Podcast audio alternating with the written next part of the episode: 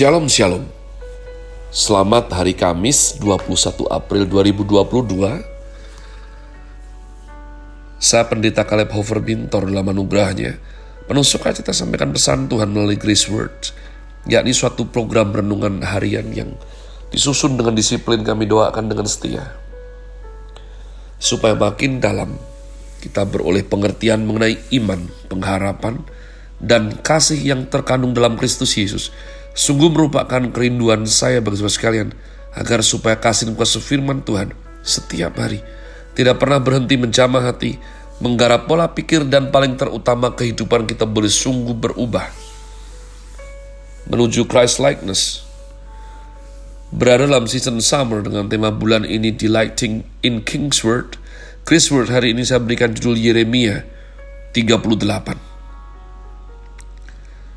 Yeremia 38. Adapun program ini juga di broadcast melalui channel GBI Rock Fluid dengan tajuk Podcast with Jesus.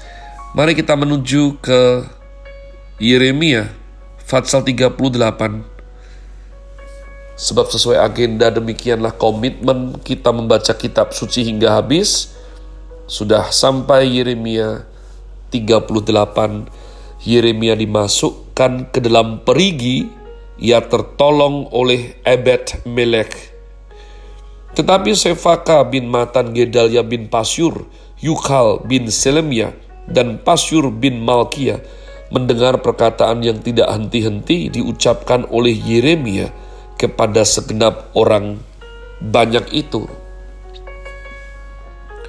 Beginilah firman Tuhan, Siapa yang tinggal di kota ini akan mati karena pedang, karena kelaparan, dan karena penyakit sampar.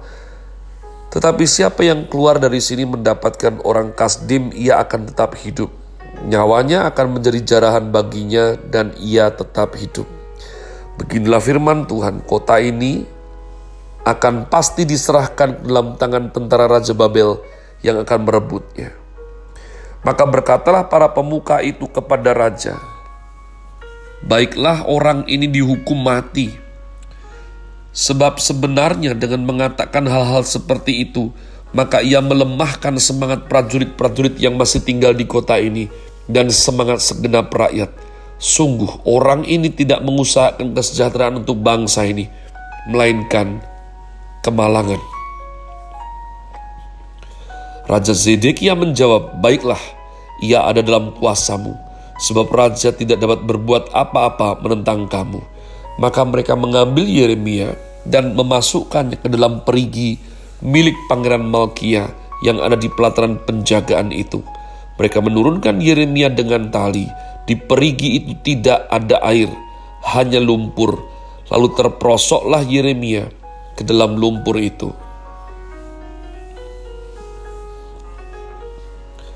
Tetapi ketika didengar Ebed Melek orang Ethiopia itu, ia seorang sida-sida yang tinggal di istana raja, bahwa Yeremia telah dimasukkan ke dalam perigi, pada waktu itu raja sedang duduk di pintu gerbang Benjamin, maka keluarlah Ebed Melek dari istana raja itu, lalu berkata kepada raja, Ya tuanku raja, perbuatan orang-orang ini jahat, dalam segala apa yang mereka lakukan terhadap Nabi Yeremia, yakni masukkan dia ke dalam perigi, ia akan mati kelaparan di tempat itu, sebab tidak ada lagi roti di kota.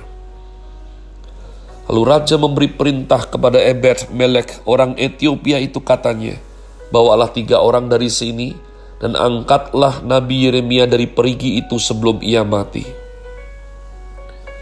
Ebed Melech membawa orang-orang itu dan masuk ke istana raja, ke gudang pakaian di tempat perbendaraan. Dari sana ia mengambil pakaian yang buruk-buruk dan pakaian yang robek-robek, lalu menurunkannya dengan tali kepada Yeremia di perigi itu. Berserulah Ebed Melech, orang Ethiopia itu kepada Yeremia, Taruhlah pakaian yang buruk-buruk dan robek-robek itu di bawah ketiakmu sebagai ganjal tali. Yeremia pun berbuat demikian. Kemudian mereka menarik dan mengangkat Yeremia dengan tali dari perigi itu.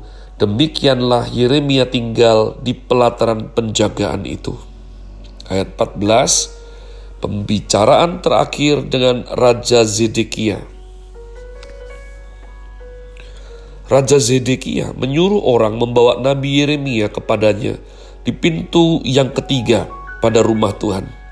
Berkatalah Raja kepada Yeremia, Aku mau menanyakan sesuatu kepadamu, janganlah sembunyikan apa-apa kepadaku.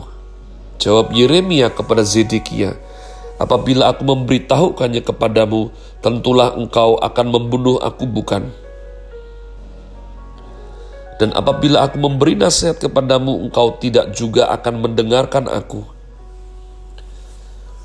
Lalu bersumpahlah Raja Zedekia dengan diam-diam kepada Yeremia katanya, Demi Tuhan yang hidup, yang telah memberi nyawa ini kepada kita, aku tidak akan membunuh engkau, dan tidak akan menyerahkan engkau ke dalam tangan orang-orang yang berusaha mencabut nyawamu itu. Sesudah itu berkatalah Yeremia kepada Zedekia, Beginilah firman Tuhan Allah semesta alam Allah Israel, jika engkau keluar menyerahkan diri kepada para perwira Raja Babel, maka nyawamu akan terpelihara dan kota ini tidak akan dihanguskan dengan api, engkau dengan keluargamu akan hidup. Tetapi jika engkau tidak menyerahkan diri kepada para perwira Raja Babel, maka kota ini akan diserahkan ke dalam tangan orang-orang Kasdim yang akan menghanguskannya dengan api. Dan engkau sendiri tidak akan luput dari tangan mereka. Kemudian berkatalah Raja Zedekia kepada Yeremia, Aku takut kepada orang-orang Yehuda yang menyeberang kepada orang Kasdim itu, Nanti aku diserahkan ke dalam tangan mereka, sehingga mereka mempermainkan aku. Yeremia menjawab, hal itu tidak akan terjadi.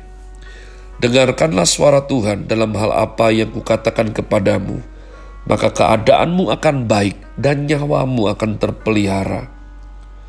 Tetapi jika engkau enggan menyerahkan diri, maka inilah firman yang dinyatakan Tuhan kepadaku.